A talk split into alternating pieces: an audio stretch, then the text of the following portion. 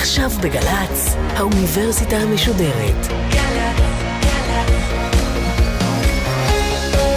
מה שקורה עכשיו.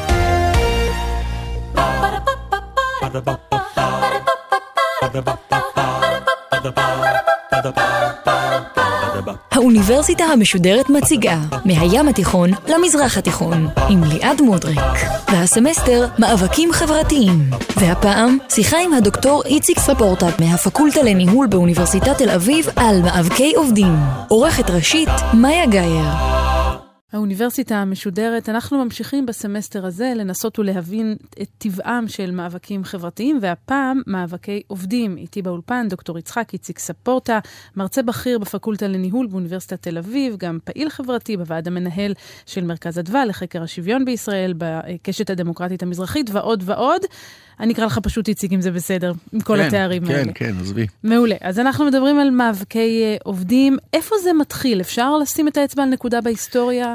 יש כל מיני נקודות בהיסטוריה, יש כאלה שגורסים שבעצם אה, ארגונים, עובדי, אה, ארגוני עובדים נוצרו כהעתק מסוים של הגילדות שבמאות הקודמות של אנשי המקצוע. כי מה היה בעבר? היה חקלאים תחת פאודל, והיו אנשי מקצוע שהם עצמם התארגנו, והיה להם מערכת מאוד מאוד מסודרת של אה, הכשרה מקצועית לצעירים, עד אשר מגיעים לדרגה של אומנים, והם היו מאורגנים. אז יש כאלה שטוענים שזה המשך ישיר שלהם, אבל בצורה מאוד uh, בולטת זה התחיל במאה ה-18 בעקבות המהפכה התעשייתית. כי מה שקרה אז, קודם כל אנשים השתחררו מהעול של הפאודל, זה דבר אחד.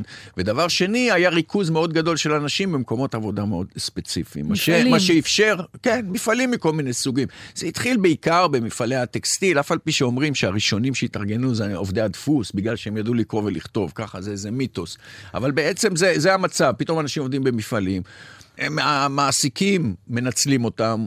ואז יש להם את הכוח הקיבוצי להגיב להם, ואז הם התחילו באיזושהי צורה להתארגן, פי שההתארגנויות היו בהתחלה אד-הוקיות, הם היו מתארגנים, ואחרי משבר כלכלי קטן זה היה מתפזר. אבל ואז היו התארגנות- מתארגנים מחדש. אני לא יודע, אפשר להגיד, יש כאלה שאומרים, ב-1776 הוקם ארגון כזה וכזה, אבל לא, נעזוב את זה, לא, אבל אבל זה אני רוצה בעקבות לשאול אותך המהפכה מהבחינה התעשייתית. העקרונית, יש פה, ההתארגנות הזו מניחה שיח של זכויות? כלומר, העובדים אומרים, לא, זה באותם בכלל- זמן לא היה, כאילו, מה, איזה זכויות כבר היו לאנשים? הרי זכות בחירה לא הייתה ל, לרוב האנשים. הדבר היחיד שהיה להם זה בעצם כוח עבודה שלהם, וה, והיכולת שלהם להימנע מעבודה או לדרוש כל מיני אה, דברים בעקבות כך. וזה מה שהם, ניס, חלקם ניסו לעשות. שוב, זה התחיל, אה, כמו שאמרתי, במאה ה-18, אבל לקראת החצי השני של המאה ה-19, כשהמפעלים גדלו, התחיל הכוח הזה יותר להתעצם, ואז כמובן הם התחילו לדרוש גם זכויות פוליטיות. זה, זה תמיד הולך ביחד, זכויות פוליטיות, התארגנות של עובדים, ולאט לאט זה התגבש לכדי איזה תמונת עולם שבאמת מדברת על זכויות, וזכויות שנמצאו באמנות בינלאומיות וכולי. בעצם אחד המאפיינים של ארגוני עובדים, בסופו של דבר זה היותם ארגונים וולונטריים שאנשים שרוצים להתארגן. זאת אומרת, יש בהם אלמנט דמוקרטי מלכתחילה, גם אם רוצים וגם אם לא רוצים. יש הטוענים שזה היה כתגובה בעצם למערכת שלא התייחסה אליהם. זאת אומרת, למשל, עובדים 14 שעות ביום, 16 שעות ביום, מעסיקים ילדים, ילדים בני 8, בני 10, מעסיקים נשים, אה, לא, לא נותנים להם זכויות, מפטרים אותם ככה בצורה שרירותית. זאת אומרת, יחס מאוד שרירותי, ואנשים פשוט אה, בשלבים מסוימים לא הסכימו לזה. ואז באמת אפשר לדבר על המהפכה התעשייתית כאיזו נקודת כן, ציון קריטית בהתפתחות תודעה של עובדים, או אפילו עוד לא בשלב הזה? תסתכלי, יש פה את הוויכוח הגדול בין התודעה קובעת ההוויה, או ההוויה קובעת התודעה. אני לא יודע, אני יותר נוטה לצד של ההוויה. אנשים מתנסים באיזה משהו מסוים, הוא לא כל כך מתאים להם, הם חשים שיש להם כן כוח, ואז עובדים בהכרח. כוח שלהם מתבטא בכך שהם עובדים בקבוצות, הם עובדים ביחד. כן. אחרי זה התפתחו כל מיני מערכות ואינסטרומנטים וקונפדרציות ופדרציות ומנהיגים וכל הדברים אז האלה. זהו, אני רוצה בדיוק לחלץ ממך אולי את המהות של uh, התארגנות עובדים. כי דבר אחד, אתה אומר, צריכה להיות איזו קבוצה. ברור. צריכה להיות איזו קבוצה. דבר שני, כבר הזכרת שביתה, שזה אולי הכלי הכי חזק שיש בפני uh, עובדים. ואמרנו, שיח של זכויות לא חייב להיות שם, אבל באיזשהו שלב הוא כן מתפתח. בסופו של דבר, בוא, בוא, בוא נקפוץ את כל המאות. ב-1919 מוקם ארגון העבודה הבינלאומי. ארגון העבודה שהמשיך להתקיים ברציפות, אפילו שחבר העמים התפרק ונפתח אה, מלחמת העולם השנייה, הקרומות המאוחדות שאנחנו מכירים, בעצם ארגון העבודה הבינלאומי המשיך להתקיים. ואז כבר נוצרת איזה מין מעבר מידע ואיזו תפיסת עולם לגבי מה זה עבודה. והם כן. לאורך כל השנים מוציאים כל הזמן אמנות שמדינות, כל המדינות חברות בהן, שצריכות לחתום, צריכות לאשרר, ואז נוצרת מן האחדה לפחות של התפיסה של מה זה, מה זה הגנה על עובדים. והדבר הזה הוא נמשך לאורך השנים, והוא יוצר מצב שכולם בסופו של דבר, מי שמאמץ את האמנה, בסופו של דבר צריך איכשהו להתארגן כן. סביב הקונספטים האלה. כשנכנס הקונספט של זכויות, הוא נכנס לתפיסה שאומרת שיש לאינדיבידואלים זכויות גם כאינדיבידואלים, אבל גם יש לקולקטיבים זכויות. ואחד הקולקטיבים הידועים זה התארגנות מכל סוג, כמו התארגנות פוליטית, אבל גם התארגנות של עובדים. והזכרת קודם את ימי העבודה הארוכים, 16-17 כן. שעות ביום, אולי אחד התאריכים החשובים שקשורים לסיפור הזה זה כמובן 1 במאי. כן, ו-1 במאי בצורה מעניינת הוא תוצר של, אה, של מאבק מאוד גדול בארצות הברית ב... בשנות ה-70 וה-80 של המאה ה-19, שבהם באמת אנשים דרשו לקצר אותו ל-12 ו-10 ו-8 שעות, והמאבק הזה הוא היה מאבק שהיה גם, היה, הייתה עצורה בו אלימות, ולא רק עצורה בו, זאת אומרת, המשטרות המקומיות, בעיקר בהפגנה ב-1886 בשיקגו, היו יריות, אה, נהרגו מפגינים. מפגינים. אה, גם נפגעו שוטרים וכל הסיפור הזה, ואז האינטרנציונל הסוציאליסטי החליט, זה היה במקרה סביב 1 במאי, החליט ש-1 במאי יהיה יום הפועלים הבינלאומי. עכשיו, ארה"ב, בגלל שתמיד היה לה פחד מקומוניזם, אז היא, שהייתה בעצם מה שהצית את הרעיון של ה-1 במאי, היא בסופו של דבר חוגגת בסוף שבוע הראשון של ספטמבר. זה הלייבור דיי שבארצות הברית, כמו רגיל, זה יום של קניות, אבל אם תעקבי אחרי זה, לא, אם תעקבי אחרי זה, אז יש תמיד הצהרות, ותמיד כן. הנשיא מדבר, וכולם מדברים כמה זה חשוב למעמד הבינוני וכולי וכולי. ועכשיו אתה בעצם מוסיף כאן לסיפור עוד אה, רמה נוספת, וזה אידיאולוגיה. כי אמרת mm-hmm. סוציאליזם ואמרת קומוניזם, mm-hmm. ומצד שני קפיטליזם אמריקאי. באמת, מאבקי עובדים תמיד הולכים יד ביד עם תפיסה סוציאליסטית, שלא לומר אה, קומוניסטית? לא, לא, לאו דווקא, תלוי איפה. זאת אומרת, צריך להבין שהרי מרקס כתב את הדברים שלו באמצע המאה ה-19. הוא ראה מה קורה במפעלים באנגליה, הוא ראה את כל הדברים שקורים, והוא בעצם, בעצם הבין את התהליך שבו אם אנחנו רוצים בעצם לתת... כוח לעובדים, העובדים צריכים להתארגן ובעצם לתפוס את השלטון, זה לא סתם להתארגן. כי במרקסיזם הנוקשה, הדוגמטי, ארגוני עובדים בעצם הם כלי עבודה כדי להגיע למהפכה. אבל אפשר לומר שלא... תמצאי ארגוני עובדים שהם אומרים שהם בעד שוק חופשי לספר ולתפיסה הזאת. בוא נגיד שזה נעצר שם. כן. ויכול להיות ש, שזה בעצם אחד הסיפורים. אין ספק שאולי הנושא של האידיאולוגיה, שאולי הנושא של מדינת הלאום, שעולים הדברים האלה, אז זה משפיע על, על אנשים בדרך בה הם מתארגנים. אבל במקומות עבודה, את יכולה לארגן אנשים שהם בלשון ישראלית, ימנים ושמאליים, כי עבודה זה עבודה, שכר זה שכר, תנאי עבודה זה תנאי עבודה. וזה גם זה שונה בין מדינות. כן, ואם אתה מדבר על שוני בין מדינות, אולי נדבר על ארצות הברית, מה שנחשב אולי לתור הזהב של ארגוני mm-hmm. העובדים מצד אחד, העלייה של השוק החופשי, ואנחנו מדברים בעצם על שנות ה-20 של המאה ה-20, נכון? תור הזהב בעצם, בעצם הוא תוצר של אחרי המשבר הגדול של 29. רק אז נחקקו חוקים ספציפיים שמגנים על עובדים ב-1935, חוק מיוחד שמגן על זכותם של עובדים להתארגן, וממש מגן עליהם מבחינה חוקית ומשפטית. באותה תקופה גם נוסד ארגון עובדי הרכב בארצות הברית. ארגון עובדי הרכב, זה בדיוק. ואז ההתארגנות הייתה על בסיס מקצוע. הטייחים מתארגנים, והסוגרי ברגים מתארגנים, והרתכים מתארגנים, והחייטים מתארגנים. זאת אומרת, כל מקצוע היה לו את הארגון שלו. מה שקרה אחרי ההגנה החוקית ואחרי ההתפתחות של המפעלים הגדולים היה שהמודל קצת השתנה, נוצר מצב שאנשים התארגנו על בסיס מקום עבודה. כל העובדים מכל הסוגים היו מאורגנים בארגון אחד, זאת אומרת על בסיס מקום עבודה. וזה שינוי מאוד גדול שגם יצר בארצות הברית את הפיצול בין ארגוני העובדים. ארגון העובדים היותר מוקדם, שהוא הארגון העובדים הכללי, זאת אומרת הפדרציה, הקונפדרציה, הארגון הזה בסופו של דבר היה, התארגן סביב מקצוע. הארגון האחר אמר צריך להתארגן על בסיס של uh, תעשייה.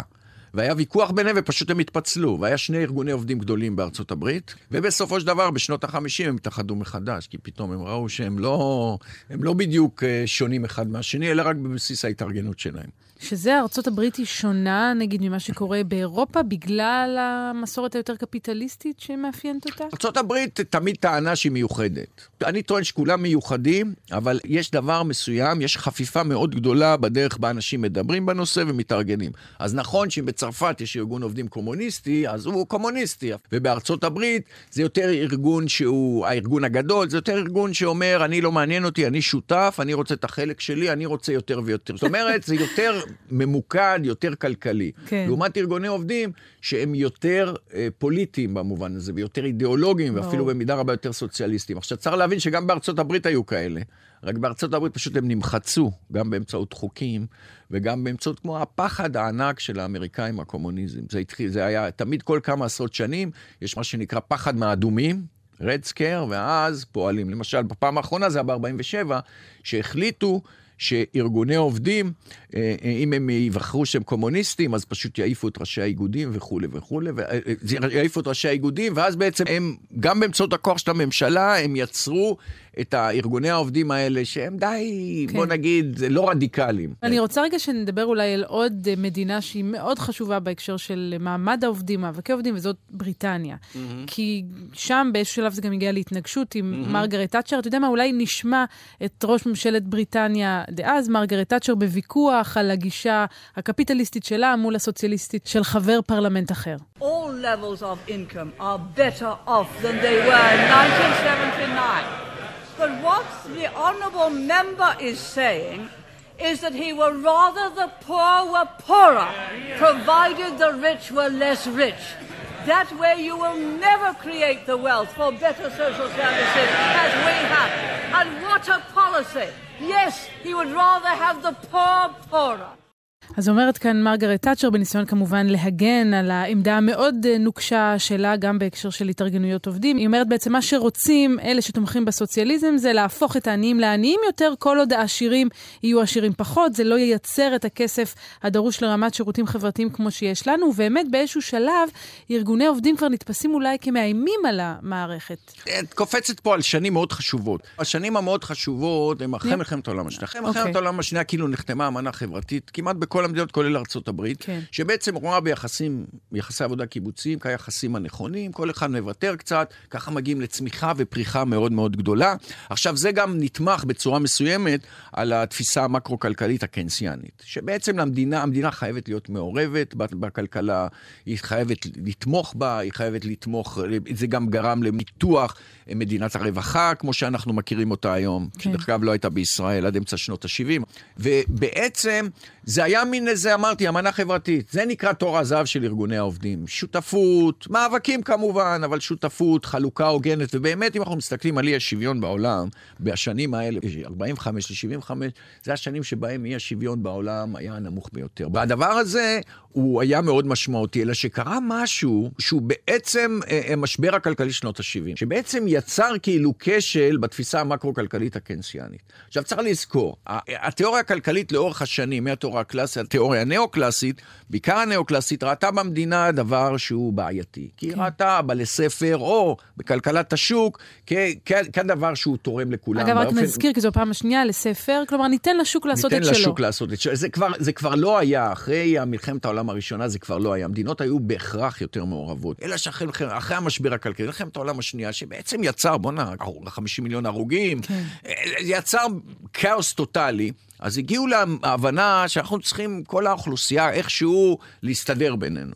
וארגוני העובדים היו גורם מאוד פיבוטלי בנושא הזה, גורם מאוד מאוד חשוב. ואז המערכת הקנסיאלית עבדה כהלכה, כמו שאמרתי, המשבר הכלכלי של שנות ה-70, ששם בסופו של דבר הניבויים כביכול, או הדרך בה הכלכלנים הקנסיאנים הסתכלו על העולם נשברה. ואז זה נתן פתח מחדש לאותם אלה שרואים במדינה בעיה, רואים בכל התארגנות אה, בעיה, רואים בכל דבר שפוגע בשוק החופשי בעיה, יצרה כאילו תיאוריה מחודשת. נגד. כי צריך להבין, אנשים העשירים, אם אנחנו מסתכלים על טבלאות, על, על גרפים של הון, של אחוזון העליון, העשירון, כן. העשירון העליון, הוא ירד משמעותית בשנים האלה. זה אנשים שהיה להם אינטרס מאוד גדול. אז כל עוד הכל עבד, הם, הם לא יכלו לעשות כלום. ברגע שזה לא עבד, עלה מחדש הנאו-קלאסי. גם הם חיכו באגפים. אוניברסיטת שיקגו הידועה. הם חיכו באגף עם התיאוריות שלהם, והכניסו אותם, והם היו גם פוליטיקאים לא קטנים. כן. ואז בעצם נוצר סחף מאוד גדול שנמשך בעצם עד היום, שבו תאצ'ר נבחרה, רייגן נבחר, בגין נבחר בארץ, דרך אגב, זה מאוד משמעותי, כי הליברלים ב- בליכוד, מה שנקרא, הם היו תמיד בעד שוק חופשי. ואז נוצר הסחף הזה, שבעצם אמר, כל הדברים שחשבנו שהם טובים, הם בעצם רעים, כי מה? המעורבות של המדינה מקטינה את היכולת של הכלכלה לצמוח, ואז אם הכלכלה לא צומחת, אין מה לחלק. היום תשמעי את ראש ממשלת ישראל, הוא מדבר אותו דבר. אז בוא נדבר באמת על המסורת בארץ. אמרת קודם שגם בעולם מדובר על כך שעובדי הדפוס היו הראשונים להתאגד, גם כאן בארץ, 1903, ארגון עובדי הדפוס, זו בעצם ארגון, זה ארגון העובדים הראשון בישראל, ככה נכון? אומרים, את יודעת, אני, את הספרים שקראתי בזמנו, זה מה שנכתב, אבל צריך לזכור, עד 1917 היו פה האימפריה העות'מאנית. כן. האימפריה העות'מאנית הייתה צורת שלטון אה, די מיוחדת, שבעצם היא די אוטונומית לקהילות הדתיות, ולא כל כך מתעניינת מה קורה בהם. ובתוך מלחמת העולם הראשונה, שהאנגלים כבשו את הארץ, אז בעצם האנגלים שלטו. והאנגלים שלטו, והקהילה היהודית הייתה צריכה להסדיר את החיים שלה בתוך עצמה, והיו כל מיני ארגונים בתוך הקהילה היהודית שהסדירו את היחסים. אז בוא באמת נחזור אחורה בזמן, אמנם לא ל-1920, אז נולדה ההסתדרות, אלא לחגיגות ה-30 להסתדרות, רק כדי לקבל תחושה של איך זה נשמע אז, ואז נחזור ונבין בדיוק את הרקע. יובל השלושים של ההסתדרות עבר בבאר שבע בסימן של חגיגות עממיות והקמת מפעלים משקיים חדשים. חג ההסתדרות נהפך לחגה של בירת הנגב כולה. פועליה ותושביה שבתו מעבודתם וצעדו לכיכר ההסתדרות, שם קיבלו את פניהם שרת העבודה, נציגי הוועד הפועל של ההסתדרות, מוסדות ממשלתיים וציבוריים וראש העיר. אז כך זה נשמע אז, ואנחנו כבר יכולים לראות, הוזכרה כאן שרת העבודה גולדה, את החיבור, עד כמובן מאוד משמעותי בין ההסתדרות לבין הממסד, ואת הניסיון לתאר את העם כולו כחלק מההסתדרות. בוא נדבר קצת באמת על ההיסטוריה של הארגון הזה, ההסתדרות. אז ההסתדרות בעצם הוקמה לא למטרות ארגוני עובדים בלבד. זה היה איחוד של מפלגות, פועלים, ובסופו של דבר החליטו לה, לאגם משאבים, זה היה הסיפור, לאגם משאבים, ובסופו של דבר הם יצרו בעצם איזה, את המנגנון המרכזי של מדינה שבדרך. זאת אומרת, היו שם, יש טוענים שההגנה הייתה חלק מההסתדרות, והקיבוצים היו חלק מההסתדרות, וכל העובדים חלק מההסתדרות, וטיפול רפואי חלק מההסתדרות, וחינוך חלק מההסתדרות, זאת אומרת, ושירות תעסוקה דרך ההסתדרות. זאת אומרת, זה היה עולם שלם, זה עולם כאילו מדינה, רק בלי, רק בלי עצמאות. כן. זאת אומרת, זאת הייתה ההסתדרות, וכמובן מפלגות הפועלים הקימו אותה. עכשיו, היסטורית, מפלגות הפועלים, מפא"י הוקמה, אני חושב, ב-1930, ההסתדרות הוקמה ב-1920 על ידי התארגנויות אחרות, ואז היא הייתה חלק מאוד אינטגרלי של מה שנקרא מפלגות הפועלים.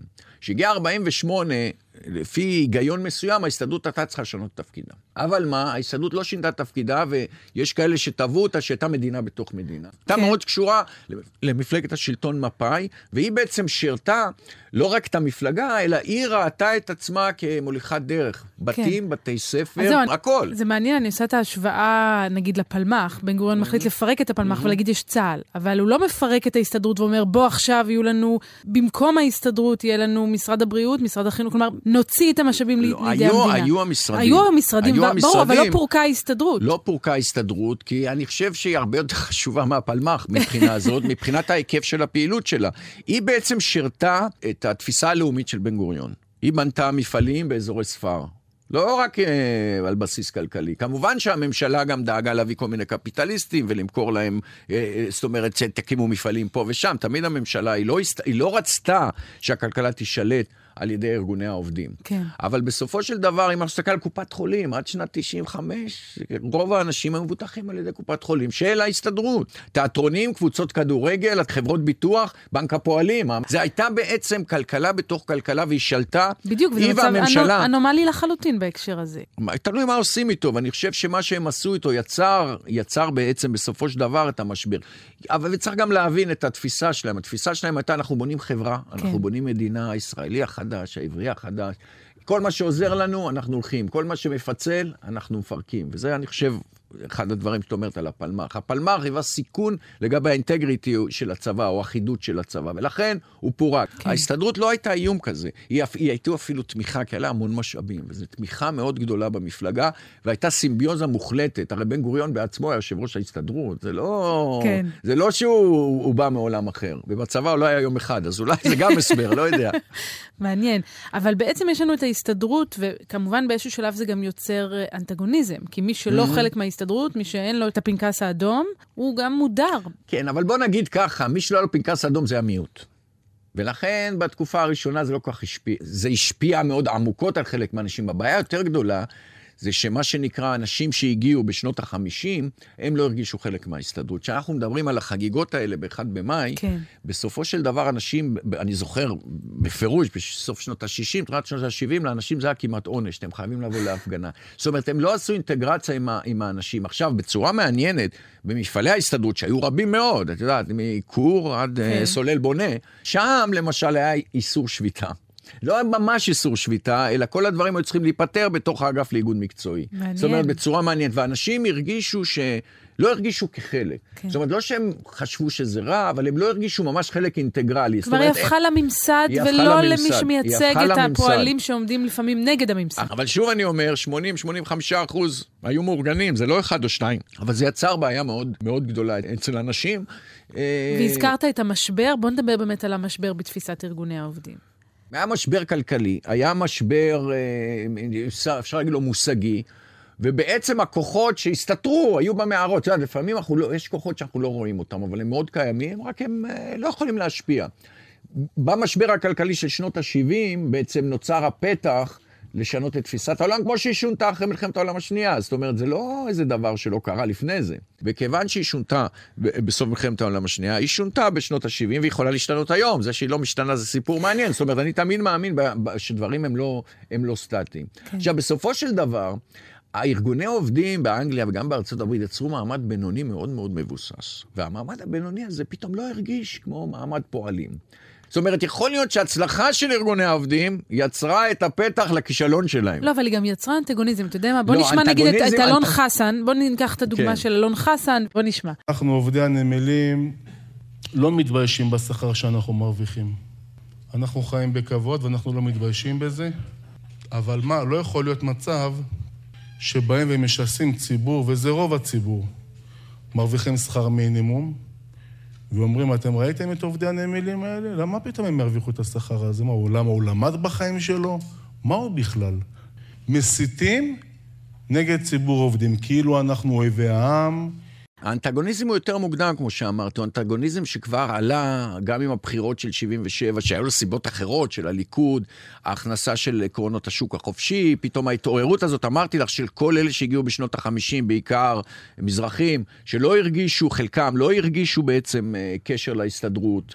הדבר הזה בעצם יצר, אה, אה, לאורך השנים הוא תסס שם מתחת לפני השטח, ועליית הליכוד לשלטון, שהביאה בעצם מדיניות כלכלית שונה לגמרי, יצרה מצב שבעצם מי שהיה מאורגן וחזק, המשיך להיות מאורגן וחזק. וכל היתר שהיו מאורגנים בשוליים, או שלא התארגנו בכלל, פתאום התחילו לראות את הזה שהם מקבלים, כן. ואנחנו אפילו יענו שכר מינימום בקושי נותנים לנו. אז זה לכשעצמו המשיך את יצירת האנטגוניזם. עכשיו, הבעיה הזאת היא בעיה דו-צדדית.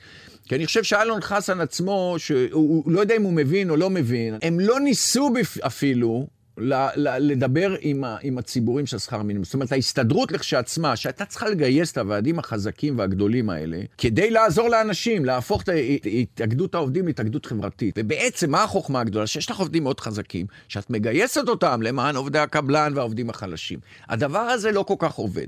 עכשיו, נוצר מצב שגם בתוכם הרי, כשמפרסמים את השכר, האמת זה קצת מטעה.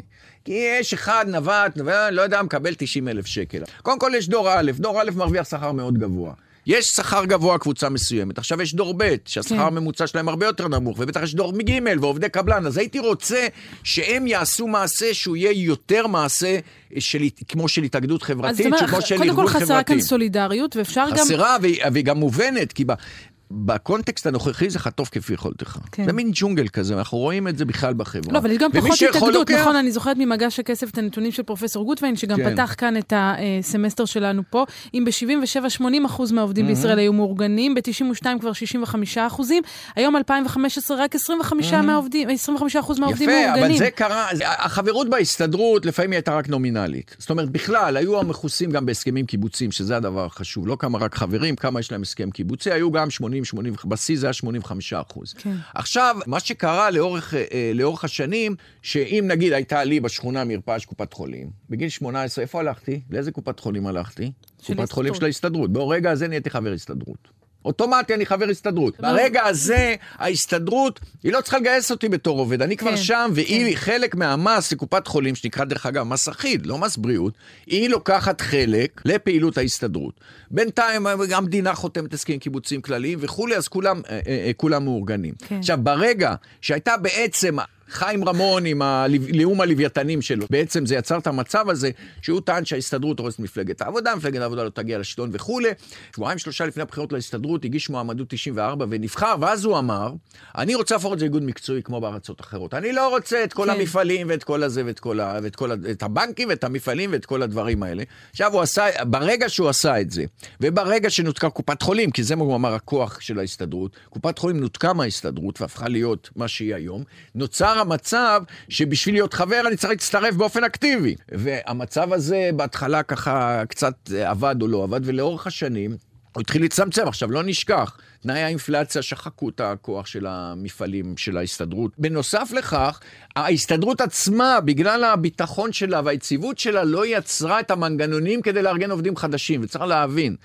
אם לא מארגנים כל הזמן, חוזרים אחורה. צריך לרוץ מהר קדימה בשביל להישאר במקום. אמרנו, אנחנו מתקרבים לסיום, אנחנו כן מנסים להבין גם, לא לדבר רק על התארגנויות עובדים, אלא גם על מאבקי עובדים. אתה יכול לתת לנו דוגמה למאבק עובדים, נגיד, חשוב שהיה בהיסטוריה של ישראל? תסתכלי, יש שני, אני אגיד שלושה מאבקים. אחד זה מרד הימאים. כן. מרתק. זה בעצם שהם יצאו נגד ההסתדרות. הם פשוט מחצו אותם. הדבר השני הוא, בשנות ה-90, התחילו לפזר ארגוני עובדים. ואפשר על פי חוק, מכריזים, לא רוצים, לא רוצים אה, הסכם קיבוצי, אין הסכם כן. קיבוצי, אין ארגון עובדים.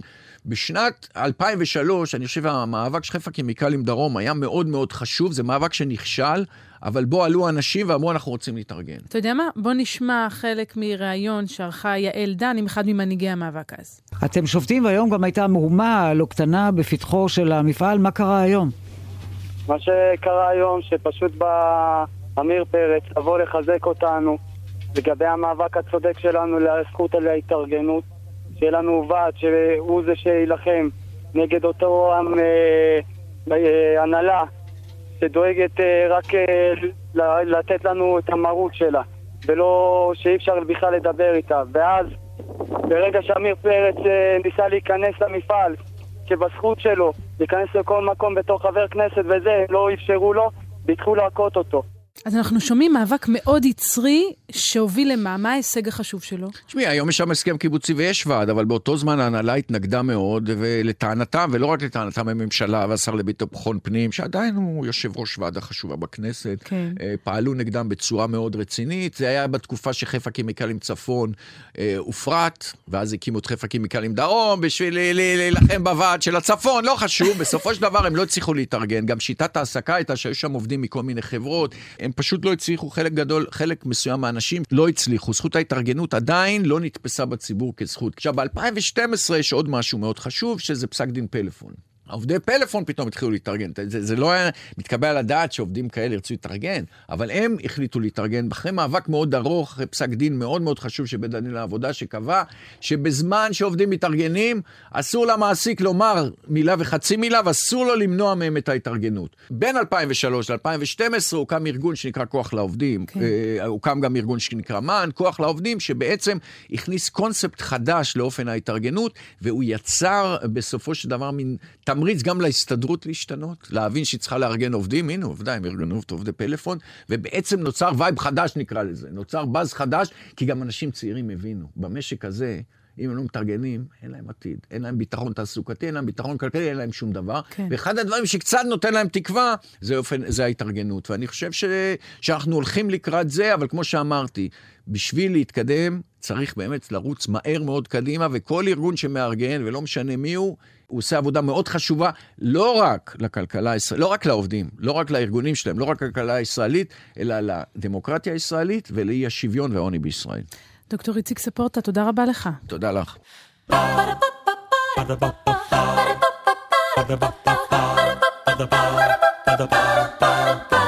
האוניברסיטה המשודרת, מהים התיכון למזרח התיכון. ליעד מודריק שוחחה עם הדוקטור איציק ספורטה מהפקולטה לניהול באוניברסיטת תל אביב על מאבקי עובדים. עורכת ומפיקה נוגה קליין. מפיקה ראשית אביגיל קוש. מנהלת תוכן מאיה להט קרמן. האוניברסיטה המשודרת, בכל זמן שתרצו, באתר וביישומון של גל"צ, וגם בדף הפייסבוק של האוניברסיטה המשודרת.